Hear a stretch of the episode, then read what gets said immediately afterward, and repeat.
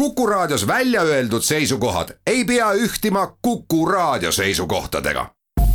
Te kuulate Kuku Raadiot.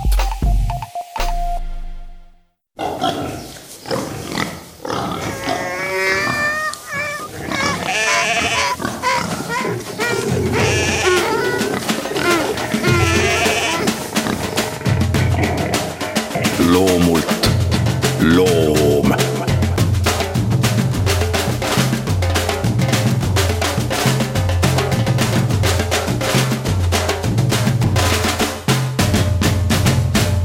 tere hommikust, mu head sõbrad ja just nimelt selle, noh, see kujunes välja lausa sarjaks. vot selle sarja lõpetamiseks siiski või kokkuvõtteks räägime veel natukene minu kalli armsa Ernst Theodor Amadei Hoffmanni novellidest, mis on, ma ei oska öelda, kas inspireeritud, täiesti võimalik, et ka see asjaolu leidis aset, aga igal juhul, mis on seotud peamiselt seitsmeteistkümnenda, kaheksateistkümnenda sajandi alguse loodusteaduste tormilise arenguga.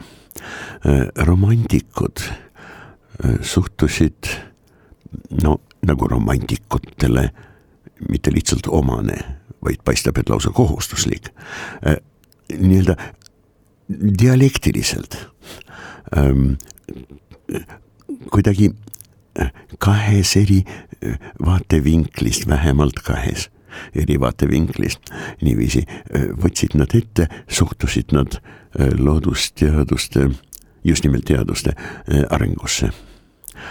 loodust uurida romantikute meelest, see oli püha kohustus igal mõtleval inimesel, kuid seda tuleb teha mitte invasiivselt, mitte vägisi tungides loodusasjadesse, vaid tunnetades. ja Hoffmannil on see no, tegelikult selline dialektiline ähm, lähenemine, suhtumine ähm, inimese ja looduse vahelistesse suhetesse on väga ilmne, kuid väga mitmekesine tõesti. see ei ole lihtsalt bipolaarne, eks ole, kus äh, jah, tõepoolest äh, kord oled suur uurija, täiesti objektiivne ja, ja, ja siis kas vahetult või nii-öelda mõningate vahesammude järel oled holistlik ja spirituaalne looduse tajuja ja loodusega suhtleja. paraku Hoffmannil on need asjad vist on sellised suhtumised ja terve see olukord. Kõige, kõikidest romantikutest kõige mitmekesisemalt ja minu meelest kõige targemal käsitletud novellidest Väike-Tsahes, noh, nimetatud Zinnoberiks, kirpude valitseja, loomulikult eelkõige, no see on programm, teos Hoffmannil, Kuldpott. aga muidugi siia juurde veel kaks, noh, natukene loodusteadustest kaugemad päris tõsiselt kaugemad, aga ikkagi sellised võlu muinasjutu hõngulised mm, kaks novelli, kuninga mõrsja no see on loomulikult puhtal kujul muinasjutt, aga väga tark ja väga irooniline. ja, aga vot see on peamiselt sellistest nähtustest nagu huumorimeel, iroonia ja teater, maailma peegeldamine dramaturgias, see on printsess Brambilla. no minu lemmikud, tõepoolest. No näiteks romantismi kirjanduses ajastul, suur ajastu ja romantism arenedes Lääne ja loomulikult Kesk-Euroopas ka Ida-Euroopas, selge see, on ju olnud suurel määral selliste nähtuste juurde nii-öelda juures, hea sõna, juures, juure, juures, juure lähedal, juurest lähtudes, eks ole nagu seda on äh, romantiline natsionalism äh,. Ossiani laulud, no see on võltsing loomulikult, aga väga hästi tehtud äh,. ja muidugi romantismi otsesed ja muidugi ka kaudsed mõjud me leiame Wagneri eh, loomingus, aga ka maailma filosoofilis-poliitilistest ja ideoloogilistest arengutest. olgem ausad, romantism ei ole süütu asjakene, aga noh, jätame see sinnapaika. Ehm, kui me nüüd võtame ette ikkagi, nii nagu me oleme seda juba vähemalt kaks korda meie soosimiootilistes rännakutes teinud. Vot just nimelt see äh, nii-öelda inim äh, huvi ja, ja loomingu ähm, alade paari või aspektide paari. kindel asju, no uuriv ja mõõtmistega tegelev loodusteadus. ja vaat selline vaimne holistlik loodusesse kui hiilgavasse ja pühasse terviklikusse suhtumine. vastandame, ma usun, et me võime seda teha, kuigi ei hakka sellega põhjalikult tegelema, lihtsalt ei ole aega, aga see on huvitav Äh, vastandame Mary Shelley. Epohaalset romaani Frankenstein. jah, no kõik teavad loomulikult, kõik on filmi näinud ja arvatavasti paljud on lugenud äh, kindlasti, nii et ma ei hakka seda kommenteerima, aga jah, vot see on no lausa tõesti no nagu, nagu pähkli tuumana välja toodud, vot see dilemma, see vastuolu. teadus suudab ilmselt peaaegu kõike, aga võib-olla päris kõike, no mine sa tea. kuid äh, ta tegeleb vägivaldselt, ta äh, sekkub loodusasjadesse ja võitleb looduse äh, suurte seaduste ja reeglitega, neid uurides, aga kohe üritades neid muuta või lausa moonutada. Äh, jätame Frankensteini sinnapaika ja paar sõna veel tõepoolest äh, kirbude valitseja suurepärasest novellist.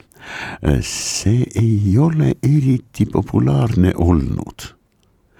väga vähesed üheksateistkümnenda ja kahekümnenda sajandi autorid, väga vähesed tsiteerivad seda novelli. Hoffmanit, Hoffmanit tsiteeritakse päris palju, nii inglise, saksa, prantsuse prantsuse kirjanduses väga palju, kui ka vene kirjanduses, vene kirjandus lausa, lausa alatasa nii-öelda, kas need tsitaadid on otsesed ja ausalt autorlust kinnitavad või nad on varjatud. Kuid ilm, ilmeksimatult selged. Tsitaadid ja vihjed eh, Hoffmanni eh, loomingule, no näiteks eh, Nikolai Gogol. kahtlemata Puškin ja, ja väga paljud teised, muidugi Vene romantiku Venivitinov, Batjuško, oi, neid oli päris palju ja suurepäraseid teoseid on nad loonud. aga see selleks, kuid jah Äh, kuldpott on väga populaarne alati olnud. Äh, väike tsahes küllaltki, mitte nii palju kui kuldpott, aga küllaltki, muidugi väga populaarsed alati olid printsess Brambilla teatris, Roomas sealjuures. Ja teatris toimuvad väga toredad, väga huvitavad, nagu Hoffmann, Hoffmann ise äh, neid äh, noh, markeerib Kalloo gravüüride stiilis sellised käigud on printsess Brambillas, noh kaks, tegelikult üks näitleja on peategelane, ei hakka praegu sellest rääkima jah, ja. Loomulikult see üliirooniline ja tõesti väga naljakas lugu äh, Frölein äh, Anna von Sabeltau. Küla aadlipreili, aga aadlipreili nii-öelda ametlikult. Tegelikult on tubli talutüdruk, kes suurima innustusega ja väga teadlikult ja oskuslikult hoolitseb juurvilja eest ja põldude eest ja loomulikult kõikide loomade oma taluloomade eest, ähm, lindude, aga ka sigade ja kitsed ja, ja, ja väga-väga tore neiu, ta on niivõrd, no ta on aadlisoost äh, see on tähtis moment, aga ta on niivõrd hea taluperenaine, niivõrd hiilgav aednik, et juurviljate ähm, gnoomide, no päkapikud, eestikeelne päkapikk on ikkagi veidi äh, sellise noh, armastusväärse äh, jõulu ja, ja, ja lapsepõlve hõnguga mõiste germaani rahvastel, vot need gnoomid ja tsverg, tsvergen, äh, dwarfs inglastel on väga tõsised tegelased. ja mõned nendest on väga jubedad ja väga võimsad. Äh, no vot üks selline äh, gnoom, noh siis väga pikk ja nimelt kuningas Daugus Carota ja Daugus Carota on porgandi teaduslik nimetus. Äh, vaat tema otsustab abielluda vot selle preili Annega, nii et kõikidel tema alluvatel äh, Lill Kapsar, mitte Redise, Redise hertsogiga on porgand kuningas äh, no vaenulikus, raevulikus võitluses. Kuid kõik teised jah on tema vassaalid ja ta tahab nendele tuua selline kuning, sellist kuningannat, kes hakkab nende eest hoolitsema nagu Frölein Anne, mis on sealjuures huvitav, asjade kulg no areneb nii, et olukord muutub vaata et lootusetuks. Anna noh, on sunnitud lausa, ta ei näe väljapääsu minema maa-alusesse nende juurvilja mm, valitsevate gnoomide päkapikkude maailmas ja teda päästab tegelikult üldse mitte seda silmas pidades. Anne või Anna, vabandust, tore, aga natukene peas veidi segaselt uljas tudeng, äh, tema peigmees, kes õpib ülikoolis ja kes peab ennast luuletajaks ja tema luule on, ei no öelda kohutav äh, tähendab mitte midagi öelda lihtsalt jube ja romantismi vot sellise noh, tõesti sinisilmse ja üli pentsiku romantismi ähm, väljanaermine toimub selles novellis. Aga see äh, peigmees tuleb kohale ja kuigi idee kohaselt ta peab olema romantiline burš, ta peab olema äh, raevanud, et tema äh, mõrsja läheb nüüd mingisugusele porgandkuningale äh, naiseks. kuid see porgandkuningas on ju väga-väga osav ja ta on suur võlur, nii et seda noorhärra äh, Amandus äh, von Nebelstern Udu täht, väga hea perekonnanimi on ta. ja see kuningas võlub kohe. Ja. Kutsub oma õukonna nii-öelda laureaatluuletajaks, poeediks ja tudeng on selles suures vaimustuses ning viimane stseen praktiliselt, see tudeng, see Anselmus, Amandus, vabandust, Amandus hakkab omi luuletusi esitama. Ta laulab neid, ta on lausa laule loonud oma luulele. Ja ta laulab neid just nimelt sellele kuningale Daugus Carotale, kes aga saab õudsed kõhukrambid sellisest luulest nii tugevad kõhukrambid, et peab loobuma oma üritusest abielluda Frölein Annaga oh jumal küll, ma ju lubasin, et ma ei hakka seda novelli meelde tuletama, kuid see on asjakohane tegelikult. teeme väikest pausi ja lähme nüüd edasi tõepoolest lõpupoole ja just nimelt, et mitte eriti populaarse omal ajal. Loomulikult see on hiilgav novell, kuid erilist, no nii suurt populaarsust see ei pälvinud, nagu näiteks Kuldpott. ja nimelt Kirbude valitseja. loomult loom.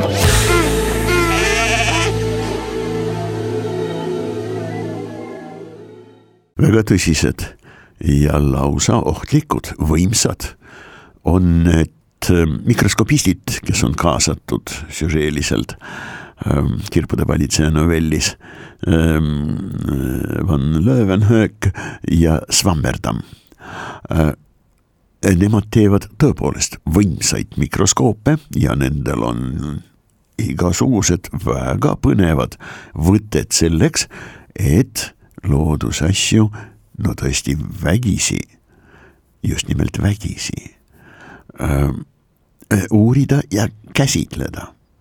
seal aga selles novellis on veel üks mikroskopist nii-öelda, aga just nimelt nii-öelda Äh, see on kirbude valitseja, tema rahva meistrid, kirbud, on niivõrd täiuslikud oskustöölised ja meistrid, et nemad loovad, just nimelt nemad loovad mikroskoobi, mis suurendab nii omapäraselt ja võimsalt, et äh, kasutades seda mikroskoobi, see on tibatillukene klaasike, kohe tuleb meelde reaalne lääts, mida kasutas Van Leeuwenhoek ja mis suurendas peaaegu sada viiskümmend korda.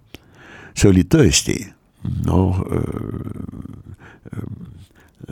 nii-öelda nööp, isegi mitte nööpnõela, eks ole, kõige tavalisema nõela peasuurune, no vähem millimeeter võib-olla läbimõõdus, eks ole, ja peaaegu täiesti ümmargune. noh, tahate suurendada, siis teil peab olema eriti kumer äh, lääts muidugi, tahate teleskoobi luua, teil peavad olema üsnagi lamedad, aga ikkagi läätsed.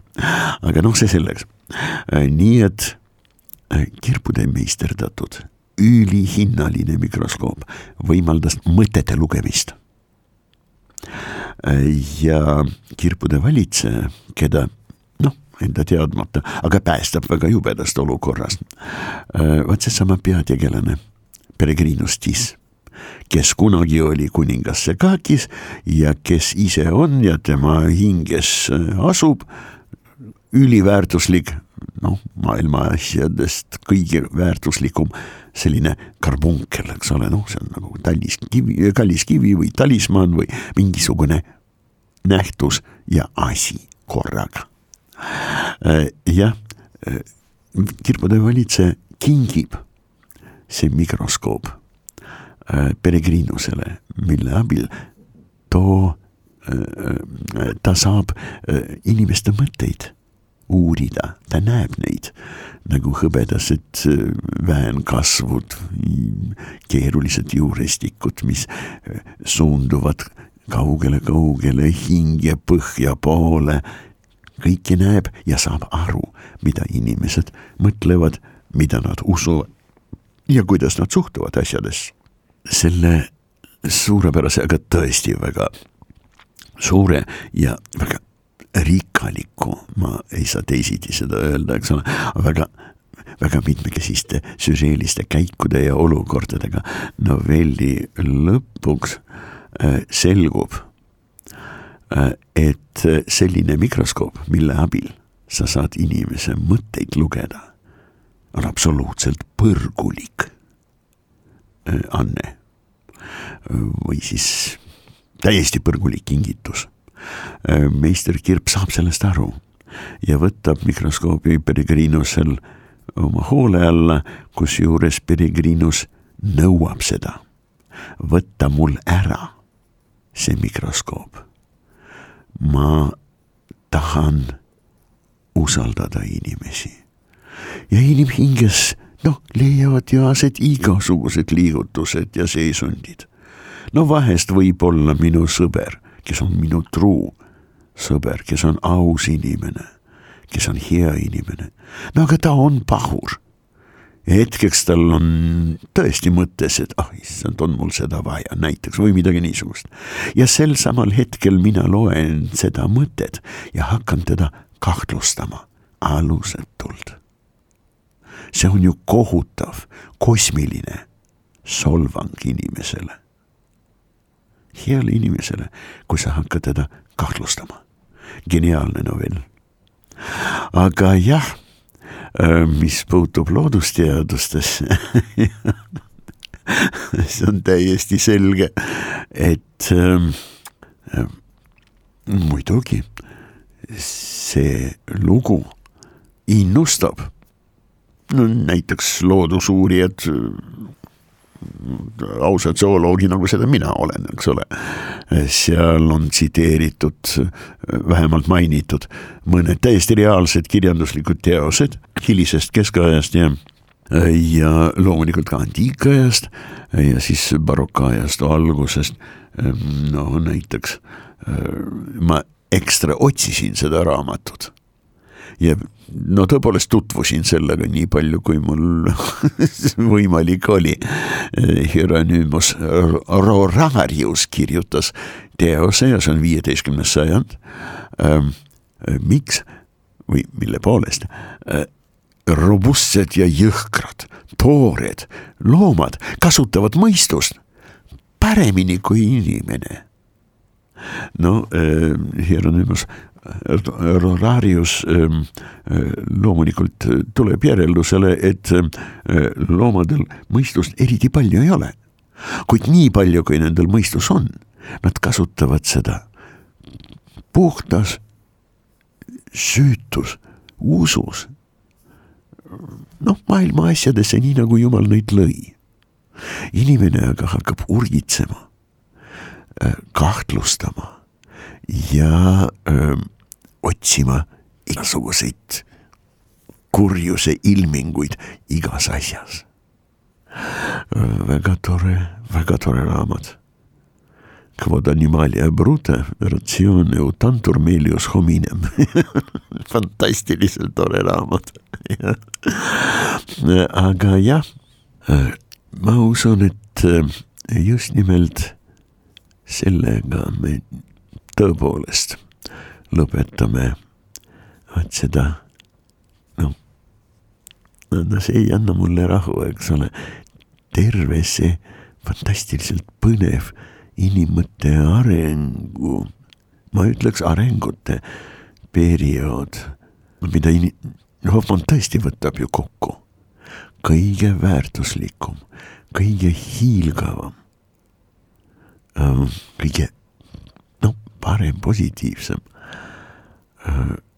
anne, mis inimesel on, on usaldusanne. Äh, muuseas, otseselt äh, seda ütleb välja keskaja Araabia, just nimelt Araabia kirjanik, luuletaja, kirjanik, noh, araablastel praktiliselt nii-öelda eh, ilmalik kirjanik eh, ja ka religioosne kirjanik eh, tegelesid ikka luulega. no Koraan on ju no tõepoolest poeetiline teos ja suurepärane.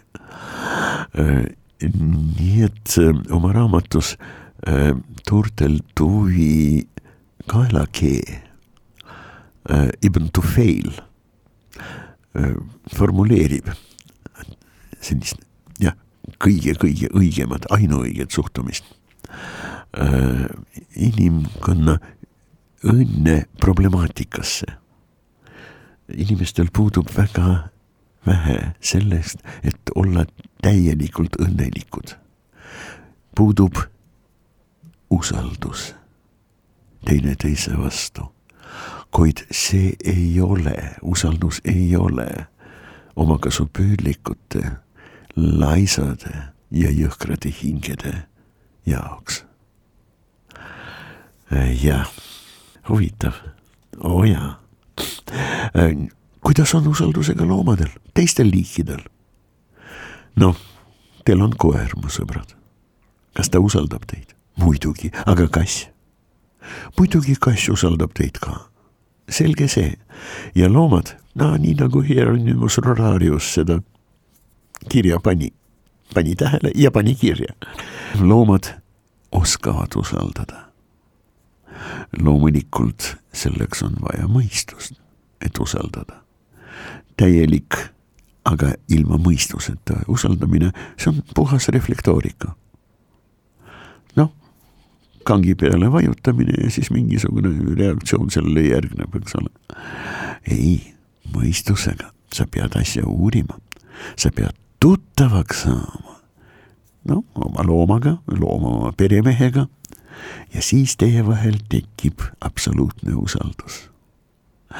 loomulikult ka kassiga ja ükskõik mis teise loomaga. sa lood usaldussuhteid ja nii see on ka suurel määral. kuid see on loomulikult väga mitmetahuline äh, teema.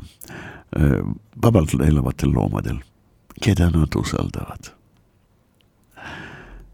loomulikult nad usaldavad omi vanemaid, aga õde-vendi see on väga huvitav, see on väga huvitav teema. Ja ma usun, et me tuleme selle juurde kunagi tagasi. kuid nüüd, no tõepoolest, mul on aeg rääkida sellest, mis meil toimub Eestimaa loomariigis. no kõik teame muidugi, et see suvi oli erakordselt no, suvitamiseks soodne, ütleme nii, jah. soe vesi ja kui see kuumuse periood hakkas taanduma, siis nii mõnegi, nii mõneski kohas, õige paljudes kohtades veekogude veetemperatuur oli paari-kolme kraadi võrra kõrgem kui õhutemperatuur, on ju mõnus kui õhk on kuskil seitseteist kraadi, on ju mõnus siis ennaks, ennast paljaks võtta ja sukelduda kahekümne ühe, kahekümne kahe kraadisesse vette.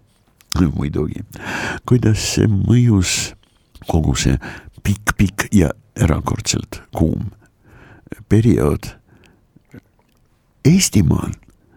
Eestimaa ei ole üldse nii väike, nagu meil on millegipärast kombeks, noh, kontrasti pärast, eks ole, väga hea on ju öelda, Eestimaa on nii väike, aga saavutused on nii suured, loomulikult see teeb hingele pai, selge see. kuid tegelikult Euroopa mõõdus Eestimaa ei ole nii väga väike, väikene. Ja ei ole nii noh, nii-öelda ühtlane ökoloogiliselt võttes. loomulikult, meil on mitu vaateid kliimavööndi ja arvatavasti ka sadu, võib-olla tuhandeid mikrokliimavöönde. meil on äh, maritiimsed alad, mere vahetu mõju all olevad, meie saared, meie rannikuala ja see on üüratult suur. Euroopa mõõdus. kolm tuhat seitsesada nelikümmend kaks, arvatavasti veel pluss midagi, eks ole, kilomeetrit pikk rannajoon. see on tõepoolest väga suur. ja mitte ainult võrreldes Tšehhimaaga või Šveitsiga, kellel ei ole üldse mere aladega mingit kontakti, vähemalt geograafilist ja, ja otsest. ja meil on nelikümmend viis tuhat ruutkilomeetrit ähm, nii-öelda kuivamaa territooriumi, see, see, see ei ole üldse vähe.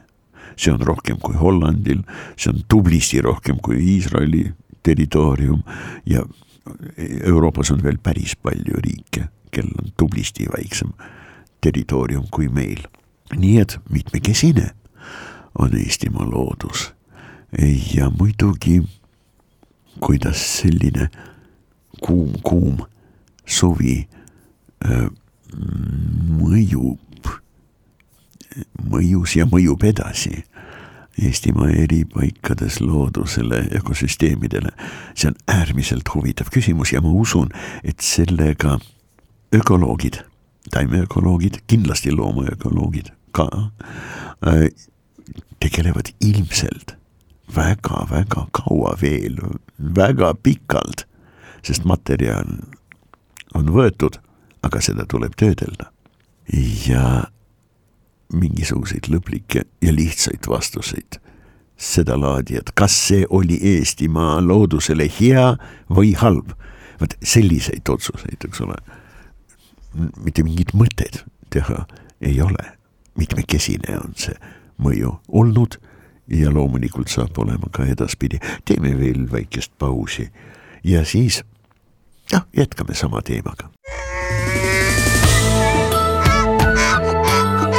loomult loom.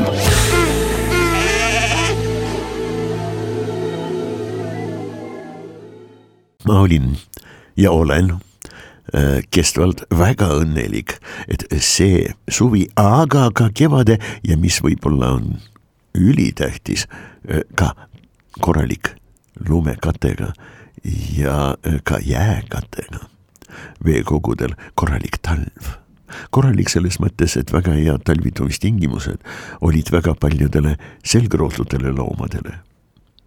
Ka sääskedele ja loomulikult parmudele ja tabaniididele ja oi väga paljudele ja tüli, tülikatele loomadele, aga päris kindlasti ökosüsteemi noh bentosele ja loomulikult ka planktonile. ilmselt olid väga head talvitamise tingimused Ummuksil äh, veekogusid äh, loomulikult oli, kuid neid oli nii palju, kui ma kujutan praegu ette. Suhteliselt vähe ja oli kena kevadine tulvavee tase ja ulatus. nii et kui nüüd juunis ja juulis tulid ülikuumad päevad järjest õhuniiskus ei olnud siiski põuale omane. umbes kuuskümmend protsenti, aga see veel põud ei ole. no see on piir, kuid sellest siiski piisas taimestikule. muidugi välja arvatud need alad, peamiselt linnades, kus millegipärast äh, muruplatse äh, niidetakse pügatakse niipea, kui taimed natukenegi noh, karvasemat pilti silmale loovad.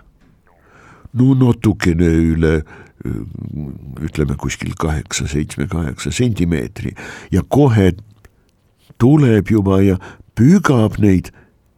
no aga vihma ei tule. vilus on kolmkümmend plussi ja loomulikult seal, kus mulla kiht on õhuke. No näiteks sai loodud muruplats, kus muld pandi erilisele õigele kilele. kile on ammu loomulikult ka oma osa andnud, mullaks muutunud, kuid paraku see on õhuke ja veesooni selle all, vähemalt selliseid, mis tõesti mõjutaksid, no vot seda mulla koostist või kooslust, seal ei pruugi olla ja loomulikult sellised kohad näevad välja nüüd, kui me oleme vihma päris palju saanud, näevad välja jubedavõitu. olgem ausad, hallikas kollased ja vihm muidugi natukene aitab. ikka mõni juurikas on veel elus, eks ole, ja sellise koha peal kollase, no, no, no tõesti nagu kõrbenud muruplatsi peal siin-seal kerkivad rohelised pätsukesed jälle ellu, kuid äh, seda lihtsalt ei ole vaja teha.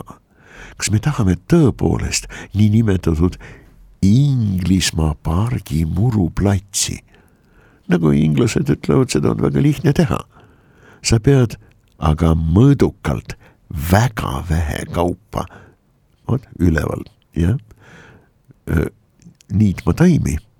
nii et nad olid kogu, nad oleksid kogu aeg umbes noh, noh kuni kümme sentimeetrit, eks ole, võib-olla neli-viis, no sõltub taimedest.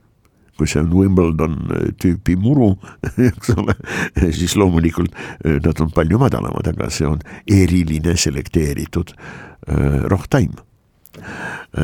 ja inglased siis annavad väga head ja lihtsat retsepti, tahate vot sellist no tõesti igipõlist ja alati ühtlaselt rohelist ja väga mõnusat Inglise parki äh, äh, rohuplatsi või muruplatsi pügage iga päev vegetatsiooniperioodi jooksul, aga pügage natukene, sentimeeter poolteist, mitte üle sel-, mitte üle sentimeetri päevas ja niiviisi kolmsada aastat järjest, kogu lugu, mis see ära ei ole.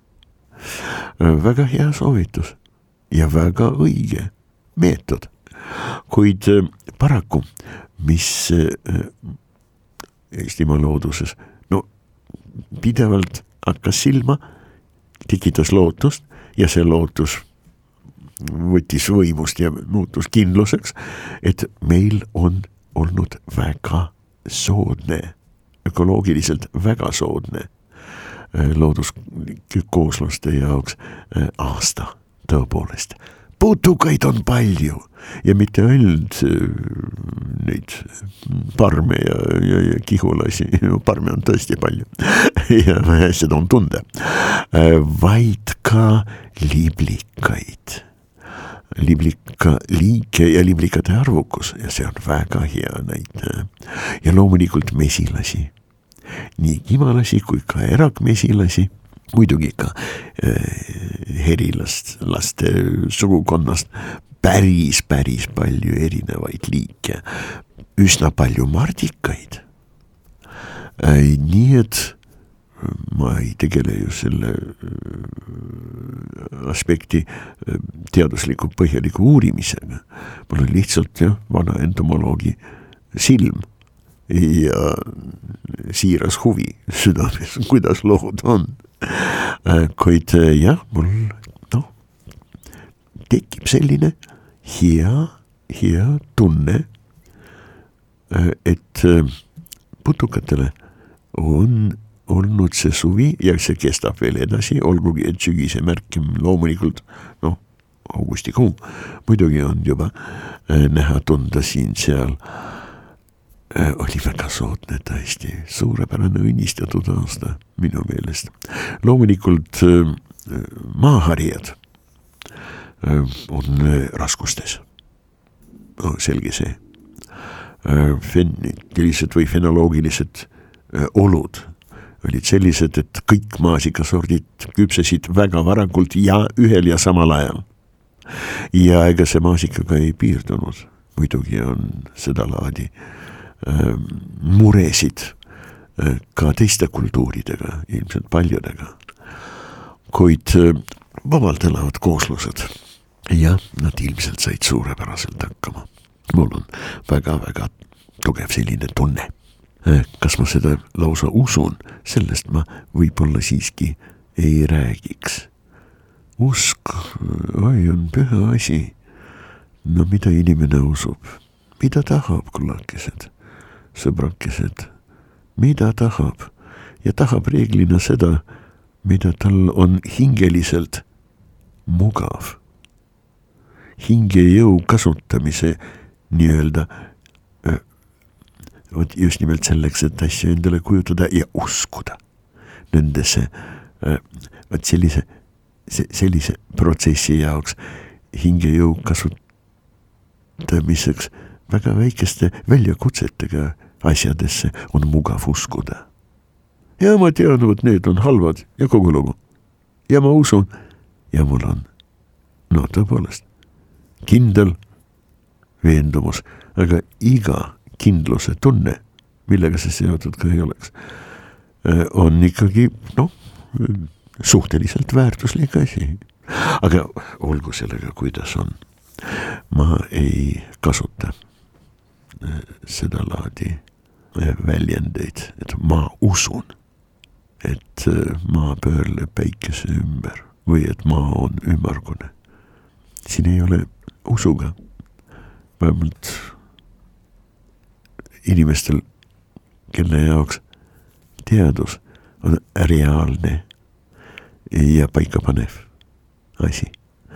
usuga ei ole siin tegemist. okei okay,, aga see selleks. Vaadake, kui nüüd hakata meelde tuletama ja seda ei ole raske teha. kõik need toredad putukad ja teised loomad, keda ma olen nüüd sel palaval suvisel ajal kohanud jutu jätkuks jõuludeni.